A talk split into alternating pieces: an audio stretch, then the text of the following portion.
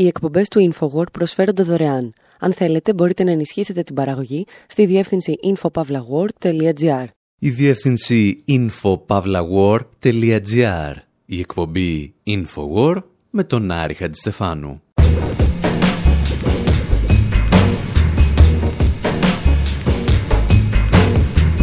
όπου σήμερα σε αυτή την εκπομπή υποψιαζόμαστε ότι θα γίνει της πατέντας. Ξεκαθαρίζουμε πριν πούμε οτιδήποτε άλλο ότι απεχθανόμαστε από τα βάθη της ψυχής μας το αντιεμβολιαστικό κίνημα και εναποθέτουμε τις ελπίδες μας στις θεωρίες του Δαρβίνου. Σας γνωστοποιούμε επίσης πως όταν κυκλοφορήσουν τα πρώτα εμβόλια για τον κορονοϊό, αφού ελεγχθούν από τις αρμόδιες υπηρεσίες, θα είμαστε οι πρώτοι που θα τα δοκιμάσουν. Αν μας τα δώσουν. Παρ' όλα αυτά, πιστεύουμε ότι πρέπει να γίνει μια κουβέντα για όσα συμβαίνουν μέχρι την κυκλοφορία αυτών των εμβολίων. Γι' αυτό συζητάμε για έναν άνθρωπο που πούλησε μία πατέντα δισεκατομμυρίων δολαρίων για ένα δολάριο. Συζητάμε όμως και για άλλους που θέτουν σε κίνδυνο τη ζωή δισεκατομμυρίων ανθρώπων για μια χούφτα δολάρια. Και όλες αυτές οι ιστορίες ξεκινούν κάπου στον Καναδά.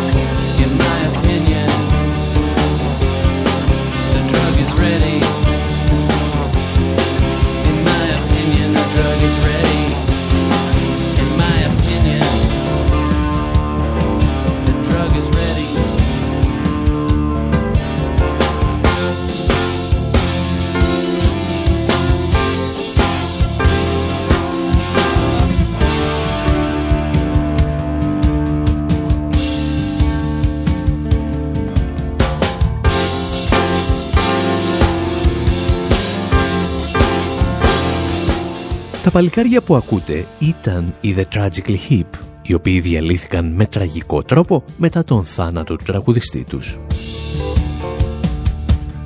Το τραγούδι Bats Wiggling που ακούμε γράφτηκε για την καναδική ταινία Brain Candy, η οποία αποτελεί ένα δρυμή κατηγορό απέναντι στις μεγάλες φαρμακοβιομηχανίες.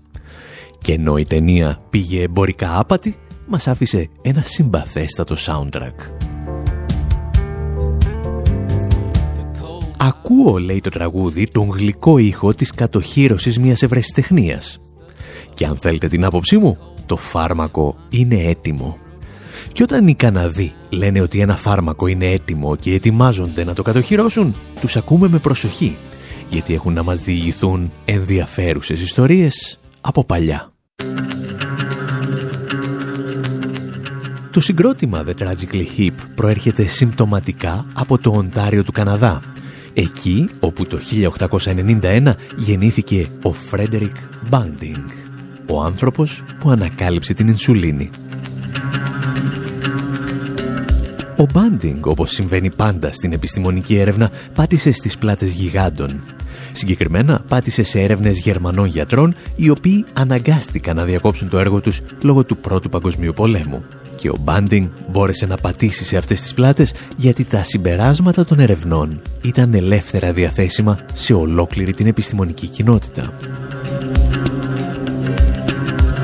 Εμάς όμως μας ενδιαφέρει μία άλλη σημαντική πτυχή της ιστορίας.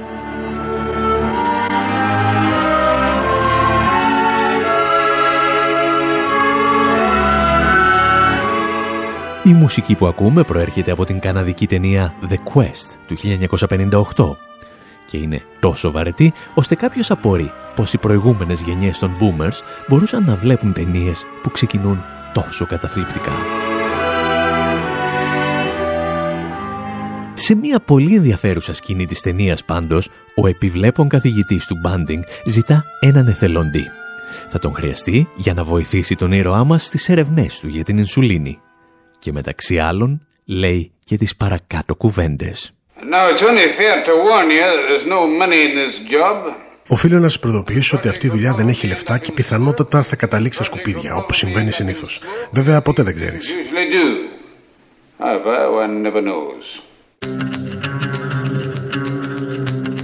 Για την ιστορία, ο συγκεκριμένος καθηγητής ήταν ο Τζον Μάκλεον, ο οποίος μοιράστηκε με τον Μπάντινγκ τον Νόμπελ Ιατρικής για την Ινσουλίνη. Το οποίο ήταν ελαφρώς άδικο, γιατί πολύ περισσότερη δουλειά είχε ρίξει ο Charles Best, ο φοιτητής δηλαδή που σήκωσε το χέρι του και δέχθηκε να βοηθήσει στις έρευνες.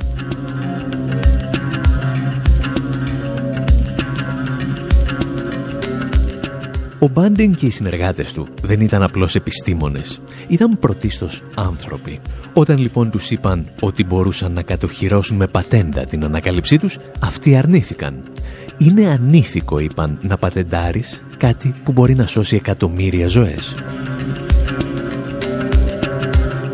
Για την ακρίβεια, πούλησαν τα δικαιώματα στη συμβολική τιμή του ενός δολαρίου στο Πανεπιστήμιο του Τορόντο. Η ινσουλίνη, έλεγε τότε ο Μπάντινγκ, δεν ανήκει σε εμάς. Ανήκει στην ανθρωπότητα. Κούνια που τους κούναγε. Ένα αιώνα αργότερα η ινσουλίνη είναι ένα από τα φάρμακα με την μεγαλύτερη ετήσια άνοδο στην τιμή της. Το 2016 στις Ηνωμένες Πολιτείες είχε φτάσει κατά μέσο όρο να πωλείται στα 450 δολάρια το μήνα. Και επειδή οι Ηνωμένες Πολιτείες έχουν ίσως το χειρότερο σύστημα υγείας στον πλανήτη, αρκετοί ασθενείς δεν μπορούσαν να κάνουν όλες τις απαιτούμενες δόσεις, θέτοντας σε κίνδυνο τη ζωή τους. Πώς γίνεται λοιπόν ένα φάρμακο που ανακαλύφθηκε πριν από έναν αιώνα να μην φτάνει ακόμη σε όσους το έχουν ανάγκη; Την απάντηση έδινε οργισμένος ο ερευνητής Alex Lawson, μιλώντας στο ανεξάρτητο δίκτυο Real News Network. Insulin is over 100 years old. The current molecules that we use, the, they're uh, biologics, so they're not molecules, but... Η ινσουλίνη είναι πάνω από 100 χρόνων. Τα λεγόμενα ανάλογα ινσουλίνης που δίνουμε στον ανθρώπινο οργανισμό δεν έχουν αλλάξει εδώ και δεκαετίες. Δεν έχει υπάρξει καινοτομία στην ινσουλίνη. Καμία. Μηδέν. Παρ' όλα αυτά η τιμή της ινσουλίνης ανεβαίνει κάθε χρόνο. Υπάρχουν τρεις εταιρείες που παράγουν αυτά τα ανάλογα και κινούνταν σαν καρτέλ για να ανεβάζουν την τιμή κάθε χρόνο. Αυτό δεν γίνεται για να πληρωθεί η καινοτομία. Δεν υπάρχει καινοτομία. Είναι ένα παλιό φάρμακο. Αυτό γίνεται για να μπορέσουν να αγοράσουν οι μέτοχοι υπάρχει άλλο ένα γιότ εις βάρος ανθρώπινων ζώων. Αυτό είναι το επιχειρηματικό μοντέλο των φαρμακευτικών αυτή τη στιγμή.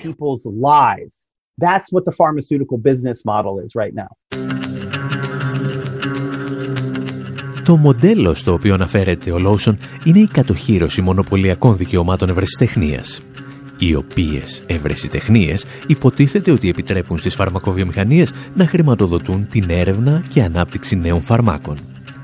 Μία υπόθεση την οποία θα επιχειρήσουμε να ανατρέψουμε εντός ολίγου. Πρώτα όμως θα χρειαστούμε μερικές επιστημονικές συμβουλές από τον Νίλ Γιάνγκ.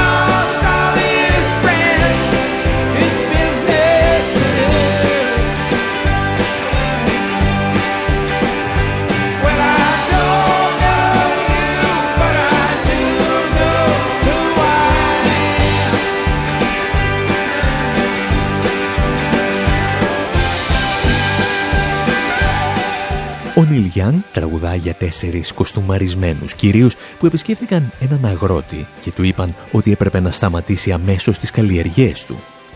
Γιατί αυτοί κατήχαν λέει τις πατέντες για τους σπόρους που χρησιμοποιούσε. Το τραγούδι Working Man στηρίζεται σε αληθινά γεγονότα και προέρχεται από τη συλλογή Monsanto Years του Neil Young. Ο δημιουργός συνδέει την εταιρεία με φασίστες πολιτικούς των Ηνωμένων Πολιτειών ενώ αναφέρεται συχνά σε αγρότες που είναι αναγκασμένοι να λαμβάνουν εντολές από την εταιρεία. Και όπως μπορείτε να υποθέσετε, για αρκετούς μήνες από την κυκλοφορία του, αυτό το άλμπουμ αποτελούσε τον απόλυτο εφιάλτη του Τμήματος Δημοσίων Σχέσεων της Μονσάντο. Εκπρόσωπος της εταιρείας μάλιστα έγραψε στον Νίλ Γιάν και μία επιστολή, στην οποία σημείωνε ότι ενώ η εταιρεία δίνει μάχη για την αηφόρο γεωργική παραγωγή και αγοράζει και τα CD σας, εσείς μας βρίζετε πατόκορφα από το πρωί μέχρι το βράδυ. Η διατύπωση δεν ήταν αυτή ακριβώς, το νόημα όμως παραμένει το ίδιο. Ο Νίλ Γιάνγκ λοιπόν αναλύει εδώ ένα από τα προβλήματα που δημιουργεί το σύστημα κατοχύρωσης δικαιωμάτων ευρεσιτεχνίας, καταστρέφοντας οικονομικά κάποιους αγρότες. Όταν συζητάμε όμως για τις πατέντες των φαρμακοβιομηχανιών, αυτό που διακυβεύεται είναι οι ζωές δισεκατομμυρίων ανθρώπων σε όλο τον κόσμο. Το βασικότερο επιχείρημα των μεγάλων εταιριών, όπως είπαμε, είναι ότι χρειάζονται τις πατέντες γιατί με τα χρήματα που συγκεντρώνουν μπορούν να χρηματοδοτήσουν την έρευνα και ανάπτυξη άλλων φαρμάκων. Αποδέχονται δηλαδή ότι η παρασκευή των φαρμάκων έχει αμεληταίο κόστος. Υποστηρίζουν όμως ότι η βασική έρευνα κοστίζει πολύ. Ποιος πραγματοποιεί όμως αυτή τη βασική έρευνα; Ο Άλεξ Λόσον, τον οποίο ακούσαμε και νωρίτερα να μιλά στο δίκτυο Real News Network, έχει μια σαφή απάντηση.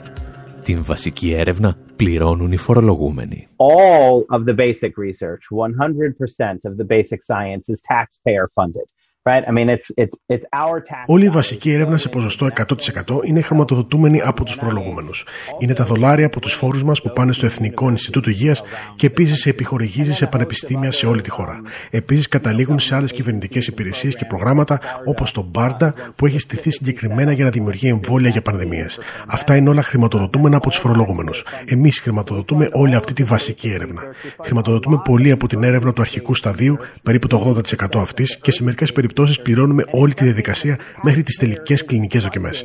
Πρόσφατη έρευνα αποκάλυψε ότι ένας στα τέσσερα φάρμακα το χρηματοδοτούμε σε ολόκληρο τον κύκλο ζωής του.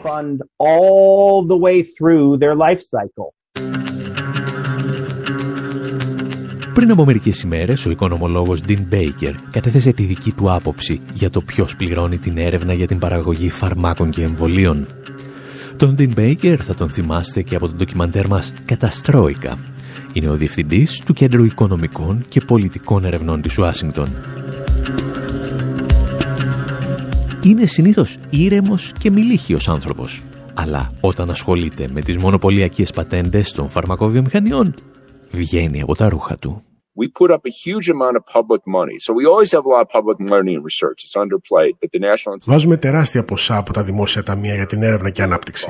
Το Εθνικό Ινστιτούτο Υγείας δαπανά τουλάχιστον 40 δισεκατομμύρια δολάρια το χρόνο. Άλλοι οργανισμοί του δημοσίου δαπανούν επιπλέον 3 έως 5 δισεκατομμύρια δολάρια. Αθρηστικά ξοδεύουμε περίπου 50 δισεκατομμύρια το χρόνο σε έρευνα φαρμάκων. Πάρα πολλά λεφτά τα οποία οι κυβερνήσεις πληρώνουν προκαταβολικά.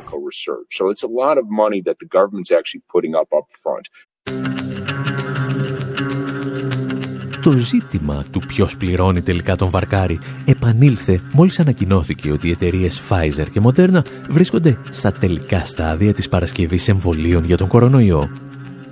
Οι απανταχούν νεοφιλελεύθεροι αυτού του κόσμου βγήκαν στα κάγκελα και άρχισαν να φωνάζουν ότι μόνο ο ιδιωτικός τομέας θα μπορούσε να παρουσιάσει τόσο γρήγορα τα εμβόλια. Τα εμβόλια που όπως είδαμε είχε χρηματοδοτήσει τουλάχιστον στη βασική τους έρευνα ο δημόσιος τομέας. Υπάρχει όμως και ένα άλλο πρόβλημα που αποδεικνύει ότι οι συγκεκριμένες εταιρείες δεν λειτουργούν σε καθεστώς καπιταλισμού όπως ισχυρίζονται. Ζουν στο καθεστώς της τελευταίας Σοβιετικής Δημοκρατίας. Εκεί όπου δεν υπάρχει η έννοια του επιχειρηματικού ρίσκου. We paid a huge amount up front, and my, my poster child here is Moderna. We paid them about a billion dollars up. Πληρώνουμε ένα τεράστιο ποσό προκαταβολικά και στο κείμενό μου χρησιμοποιώ σαν παράδειγμα την εταιρεία Moderna. Τους δώσαμε προκαταβολικά σχεδόν ένα δισεκατομμύριο δολάρια. Μιλάνε λοιπόν για επιχειρηματικό ρίσκο, αλλά πού είναι αυτό το ρίσκο; Α υποθέσουμε ότι δεν τα καταφέρνουν, ότι ολοκληρώνουν το τεστ το Δεκέμβριο, αξιολογούν τα δεδομένα και βλέπουν ότι το εμβόλιο δεν είναι και τόσο αποτελεσματικό. Ακόμη και τότε δεν θα χάσουν τίποτα αφού τους έχουμε δώσει ένα δισεκατομμύριο δολάρια. They didn't lose anything. We paid them a billion dollars. Η Μοντέρνα λοιπόν πήρε έτοιμη τη βασική έρευνα του δημόσιου τομέα, πήρε και ένα δισεκατομμύριο στην τσέπη και τώρα παρουσιάζει ένα εμβόλιο. Σε κανένα σημείο δηλαδή της διαδικασίας δεν υπήρξε επιχειρηματικό ρίσκο. Ναι, απαντούν οι νεοφιλελεύθεροι, αλλά η Pfizer τα κατάφερε μόνη της. Αρνήθηκε να λάβει την έκτακτη χρηματοδότηση που προσέφερε ο πρόεδρος Τραμπ και παρουσίασε και αυτή το δικό της επιτυχημένο εμβόλιο το οποίο δεν είναι ακριβώς ψέμα, αλλά είναι μάλλον το αντίθετο της αλήθειας. Όπως ανέφερε το περιοδικό Fortune και το δίκτυο Bloomberg, το εμβόλιο της Pfizer δεν χρειάστηκε την ενίσχυση του Αμερικανικού δημοσίου γιατί το πλήρωνε το γερμανικό δημόσιο. Συγκεκριμένα, η γερμανική εταιρεία BioNTech που εργάζεται μαζί με την Pfizer για την παραγωγή του εμβολίου έλαβε 445 εκατομμύρια δολάρια από το γερμανικό κράτος. Δύο εταιρείες λοιπόν πήραν τη βασική έρευνα του δημοσίου, προσέθεσαν μερικά δισεκατομμύρια σε άμεσες και έμεσες ενισχύσεις και τώρα θα πουλήσουν στα δημόσια ταμεία τα εμβόλια που είχαν προπληρώσει πολλές γενιές φορολογούμενων. Και ακόμη δεν έχουμε φτάσει ούτε στην αρχή των επιπτώσεων που έχουν για τις ζωές μας οι πατέντες των φαρμακοβιομηχανιών. Υπομονή για ένα μικρό διάλειμμα και επιστρέφουμε.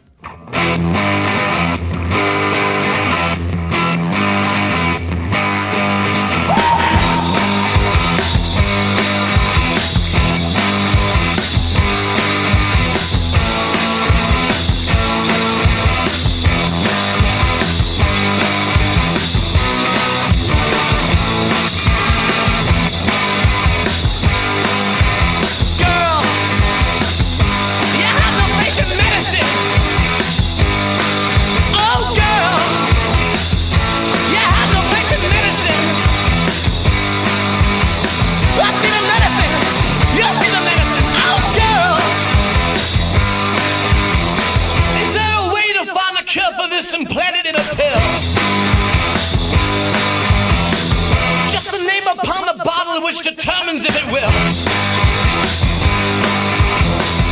Is the problem you're allergic to a well familiar name? Do you have a problem with this one if the results are the same? What's in the medicine? Yes, in a medicine.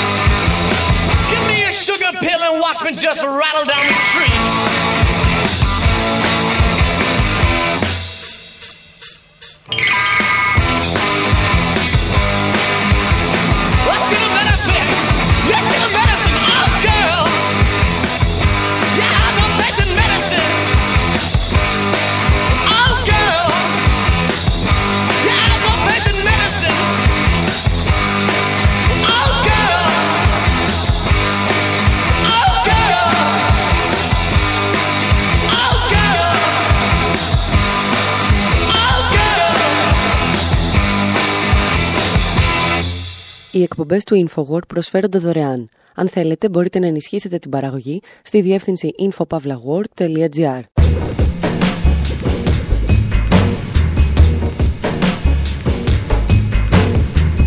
Εκπομπή InfoWord, μέρος δεύτερο. Όπου συζητάμε για τις πατέντες των μεγάλων φαρμακοβιομηχανιών.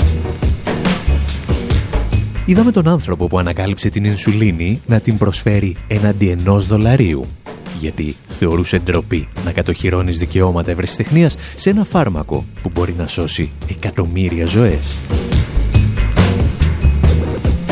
Και έχει έρθει η στιγμή να μιλήσουμε για τα φάρμακα ή τα εμβόλια τα οποία δεν παράγονται ποτέ ή κυκλοφορούν με μεγάλη καθυστέρηση λόγω μιας πατέντας. Να θυμίσουμε για άλλη μια φορά ότι δεν θεωρούμε σε καμία περίπτωση τα εμβόλια επικίνδυνα από τη στιγμή που παίρνουν την τελική έγκριση κυκλοφορίας. Λέμε ακριβώς το αντίθετο, ότι θέλουμε περισσότερα εμβόλια που θα κυκλοφορούν ταχύτερα στην αγορά. Και εδώ θα δούμε γιατί αυτό δεν συμβαίνει πάντα. Yo, Z-Dog MD, just chilling in the one deuce, baby, baby. I've been making videos for free and I'm broke, yo. I need to score me some cash money. Big Pharma's gonna pay me for this here jingle I wrote, and yo, my baby says I got to get paid. So Big Pharma, you got that check ready? Let's bump it. To all the patients in the place, I'm style, no grace. Allow me to place these pills and lotions up in your face. Cause I push drugs so my be getting paid. Sell you Viagra though you still ain't getting laid. Get played with ads, ask your doc about infliximab. Direct to consumers, how we target boomers now. Got a tumor? Wow. And it just won't quit? Well, some of my chemo, baby, got to treat with. Complete with side effects you beat with more drugs. The sicker you get, the more we be living large. We charge a lot for claimants or for R&D. While we be in the hot tub bumping R&B. You see, we price gouging for the greater good. Stamping out gout and giving your grandpa wood. Understood, it's conspiracy, say anti-vax wackos. But haters gonna hate, yo, save it for big tobacco. I love it when you call me Big Pharma. Throw your pills in the air if you got Medicare. I love it when you call me Big Pharma. To all the drug reps getting money, playing doctors like dummies. Uh. I love it when you call me Big Pharma. I got a patent up in place, generics out of my face, yo. So check out my pipeline tonight, cause it's straight gonna pay, man. Ως Dogmat διασκευάζει το περίφημο Big Popa του Notorious Big και περιγράφει ορισμένα από τα καθημερινά εγκλήματα των μεγαλύτερων φαρμακοβιομηχανιών. Yo, this must be my first check. Πριν το κάνει όμως, επιτίθεται και αυτός στους ψεκασμένους που βρίσκουν ευκαιρία από αυτές τις πρακτικές για να επιτεθούν όχι στις φαρμακοβιομηχανίες, αλλά στα ίδια τα εμβόλια. Πιο ενδιαφέρον στιχάκι όμως είναι αυτό που λέει «Σας χρεώνουμε τα άντερά μας και σας λέμε ότι είναι για R&D, αλλά εμείς είμαστε στο Γιακούτζι και ακούμε R&B» όπου R&D είναι η έρευνα και ανάπτυξη, ενώ R&B είναι τα rhythm and blues. So big pharma, you got that check ready? Ως Dogman λοιπόν αναφέρεται στο βασικό επιχείρημα των φαρμακοβιομηχανιών ότι χρειάζονται τις πατέντες για να χρηματοδοτούν την έρευνα. Όπως εξηγούσε όμως πρόσφατα και ο ερευνητής Alex Lawson, η ιστορία αυτή έχει δράκο. It's uh, one of the best crafted pieces of propaganda out there that the high drug prices that we pay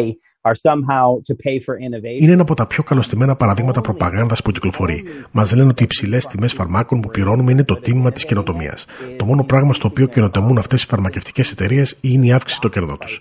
Ξοδεύουν περισσότερα σε επαναγορές μετοχών από ό,τι σε έρευνα και ανάπτυξη. Ξοδεύουν επίσης στο marketing για να πουλήσουν φάρμακα σε ανθρώπους που δεν τα χρειάζονται.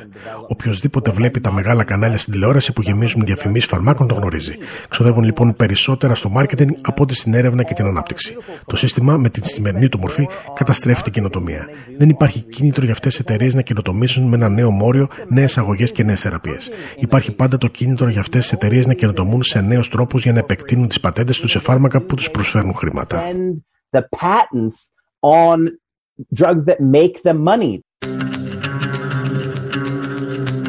Το πρόβλημα, όπως θα δούμε, είναι πως όταν οι φαρμακοβιομηχανίες καινοτομούν στο μάρκετινγκ και στην επέκταση μιας πατέντας, η επιστήμη χάνει χρόνια πρόοδου. Πριν από μερικές εβδομάδες, αρκετά μέσα ενημέρωσης ανέφεραν ότι η Κίνα έχει προχωρήσει στην παραγωγή εμβολίου για τον κορονοϊό, το οποίο βρίσκεται στην τρίτη φάση ελέγχου. Το συγκεκριμένο εμβόλιο, μάλιστα, πιστεύετε ότι έχει ήδη χορηγηθεί σε ένα εκατομμύριο ανθρώπους. Η είδηση έπαιξε μάλλον στα ψηλά των διεθνών μέσων ενημέρωσης. Αντίθετα, τα αμερικανικά μέσα ενημέρωσης μας βομβάρδιζαν με την παρακάτω πληροφορία. Tonight as researchers race to develop a vaccine for the coronavirus, hackers from China and other countries are working just as Κινέζοι hacker, έλεγαν τα δελτία ειδήσεων, έκλεψαν ερευνητικά δεδομένα Αμερικανών επιστημόνων για να τα χρησιμοποιήσουν για την ανάπτυξη των δικών τους εμβολίων. Επιτρέψτε μας τώρα να αναδιατυπώσουμε ελαφρώς αυτή την είδηση. Κινέζοι hacker έκλεψαν ερευνητικά δεδομένα για να διευκολύνουν την παραγωγή εμβολίων που θα μπορούσαν να σώσουν εκατομμύρια ζωές σε ολόκληρο τον πλανήτη. Το έγκλημα, όπως καταλαβαίνετε, δεν είναι η κλοπή. Είναι ότι κάποιες φαρμακευτικές εταιρείες αρνούνται να μοιραστούν τα επιστημονικά δεδομένα ώστε να μην μπορέσει κάποιος άλλος να παρουσιάσει ένα εμβόλιο πριν από αυτές.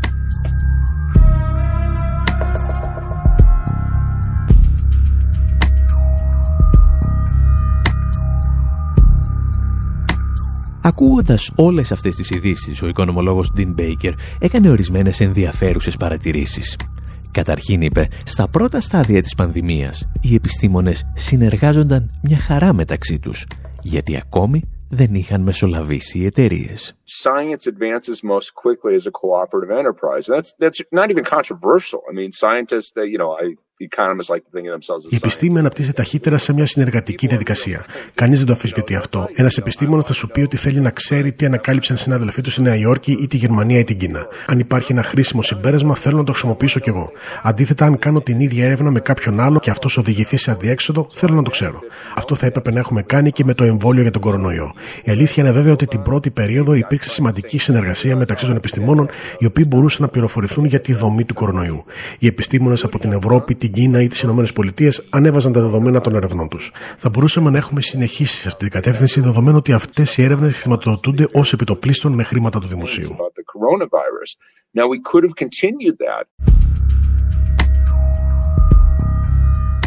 Το πρόβλημα λοιπόν είναι ότι οι φαρμακευτικές εταιρείες κερδίζουν δισεκατομμύρια χρησιμοποιώντας την βασική έρευνα που παράγεται σε δημόσια πανεπιστήμια και ιδρύματα, αλλά όταν φτάνουν στο τελικό στάδιο της παραγωγής φαρμάκων και εμβολίων δεν θέλουν να κυκλοφορεί καμία πληροφορία. Now, ordinarily, most drug companies, Pfizer, Merck, pick your company,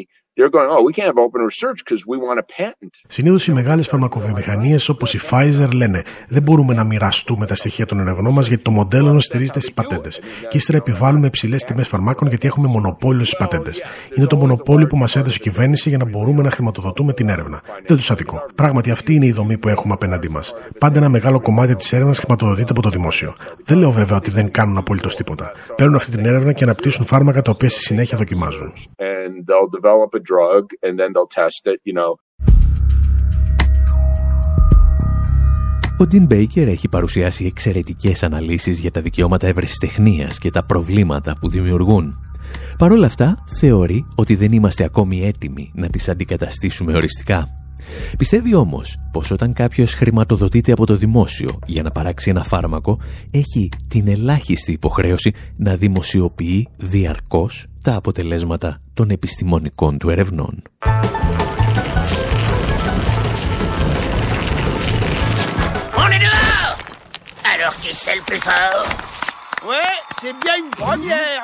Εσείς μπορεί να μην το βλέπετε, αλλά εμείς παρακολουθούμε αυτή τη στιγμή κινούμενα σχέδια με τους Ντάλτον του Λούκι Λουκ. Είμαστε σε εκείνο το επεισόδιο όπου τα τέσσερα αδέρφια σκάβουν τέσσερα ξεχωριστά λαγούμια για να βγουν από τη φυλακή. Αυτό δηλαδή που κάνουν σήμερα οι μεγαλύτερες φαρμακοβιομηχανίες. Πραγματοποιούν παράλληλα την ίδια έρευνα χωρίς να μοιράζονται τα συμπεράσματά τους. Και ενώ με το εμβόλιο του κορονοϊού ξέρουμε ότι τουλάχιστον προχωρούν, δεν συμβαίνει το ίδιο και με άλλα φάρμακα που θα χρειάζονταν η ανθρωπότητα. Θα τα εξηγήσουμε ύστερα από αυτό.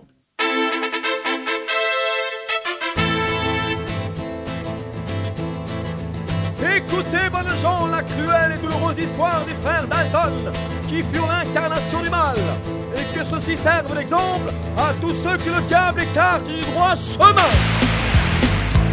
Tout petit à l'école, À la place de crayon, j'avais des limes.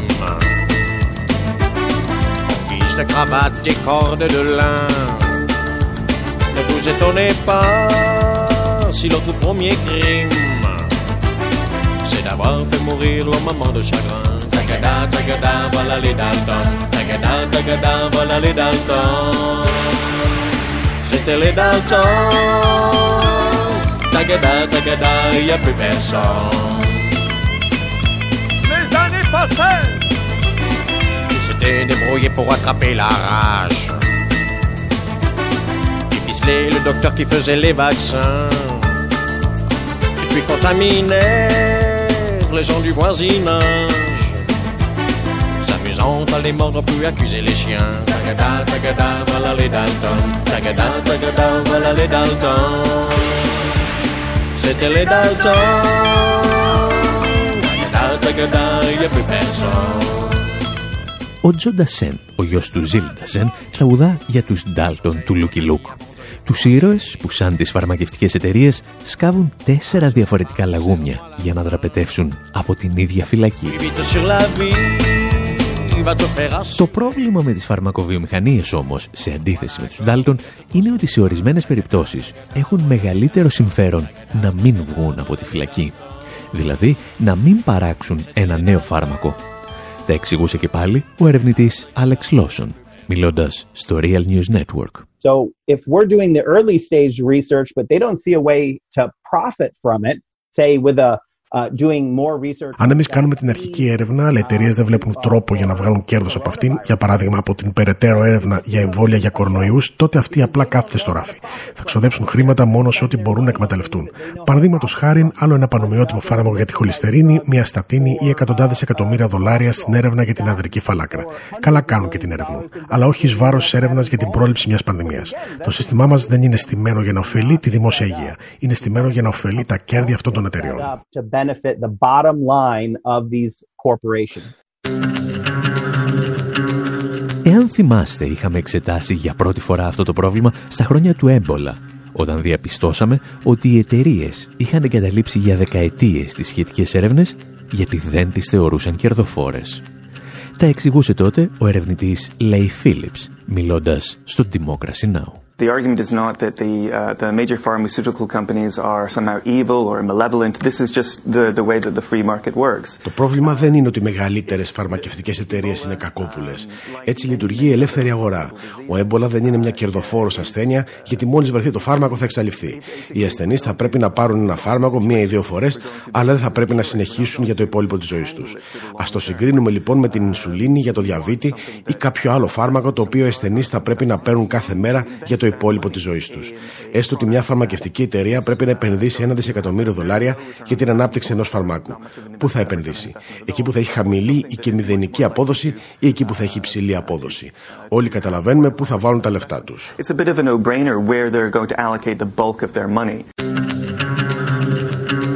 Τι μας είπε λοιπόν ο Λέι Φίλιπς ότι ο έμπολα δεν πουλάει; Και γι' αυτό οι δυνάμεις της ελεύθερης αγοράς δεν επέτρεψαν την παρασκευή φαρμάκων για την αντιμετώπιση του. Και αυτό, συνεχίζει ο αναλυτής μας, δεν αφορά μόνο τα φάρμακα για τον έμπολα, αλλά και για όλες τις ασθένειες που δεν προσφέρουν υψηλές αποδόσεις. Ebola is, in many cases, is just an example of a wider problem that we have with pharmaceutical research. Η περίπτωση του έμπολα είναι απλώς ενδεικτική ενός ευρύτερου προβλήματος. Το ίδιο συμβαίνει και με τα αντιβιωτικά. Τις τελευταίες τρεις δεκαετίες, οι φαρμακευτικές εταιρείες αρνούνται να επενδύσουν σε έρευνες για την ανάπτυξη νέων αντιβιωτικών. Φτάνουμε όμως σε ένα σημείο που τα αντιβιωτικά που υπάρχουν σήμερα δεν καλύπτουν πλέον τις ανάγκες μας.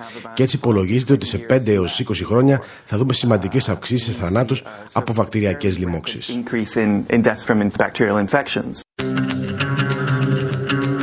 Σε σε 20 χρόνια λοιπόν, αγαπημένοι μας ακροατές, που ίσως εσείς να πεθάνετε από μια ασθένεια που θα μπορούσατε να αντιμετωπίσετε με κάποιο αντιβιωτικό, να θυμάστε ότι δεν σας φταίνε μόνο οι εταιρείες φαρμάκων, ούτε κάποιος υπουργός υγείας. Σας έφταιγε το ίδιο το σύστημα παραγωγής, στο οποίο δεχθήκατε να ζείτε όλη σας τη ζωή. It is simply too uh, dangerous uh, an issue for this to be left to the uh, the vagaries of the of the of, of, of the profit motive within the market. Το ζήτημα είναι πολύ επικίνδυνο για να το αφήσουμε στις διοτροπίες των δυνάμεων της αγοράς. Πρέπει άμεσα να αναγνωρίσουμε ότι η αγορά απέτυχε. Και αυτό δεν αποτελεί κάποιο είδους αριστερίστικης κριτικής. Το αναγνωρίζουν όλοι, ακόμη και οι φαρμακευτικές εταιρείες. Μπροστά μας πλέον έχουμε δύο επιλογές. Η μία είναι μια δυναμική παρέμβαση του κράτους για τον έλεγχο της κατάστασης. Η άλλη είναι να χρησιμοποιήσουμε τα έσοδα από τα κερδοφόρα φάρμακα για την έρευνα, την ανάπτυξη και την εμπορευματοποίηση φαρμάκων που δεν είναι κερδοφόρα. Με αυτόν τον τρόπο, ως κοινωνία θα πληρώνουμε πολύ λιγότερο για να επιλύσουμε το πρόβλημα. Um, uh, to, to solve this problem anyway.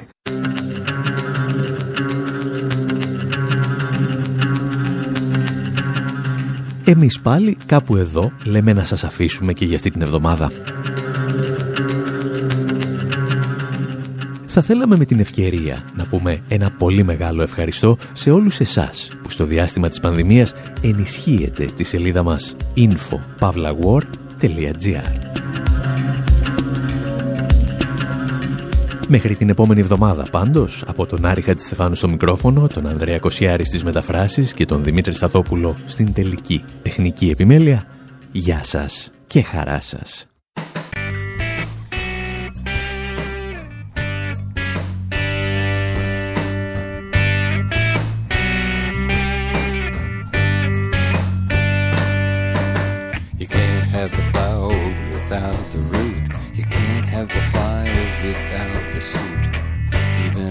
Stripper a red tassel suit, and we were meant to be.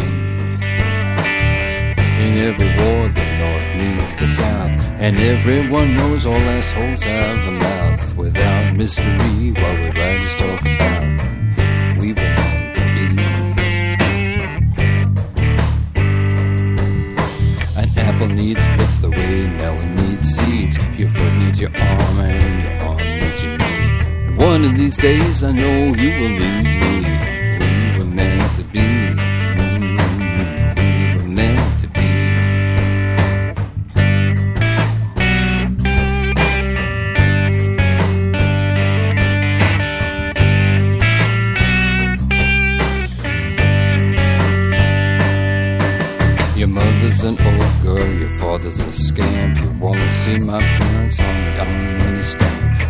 Like a bulb screws into a lamp, we were meant to be.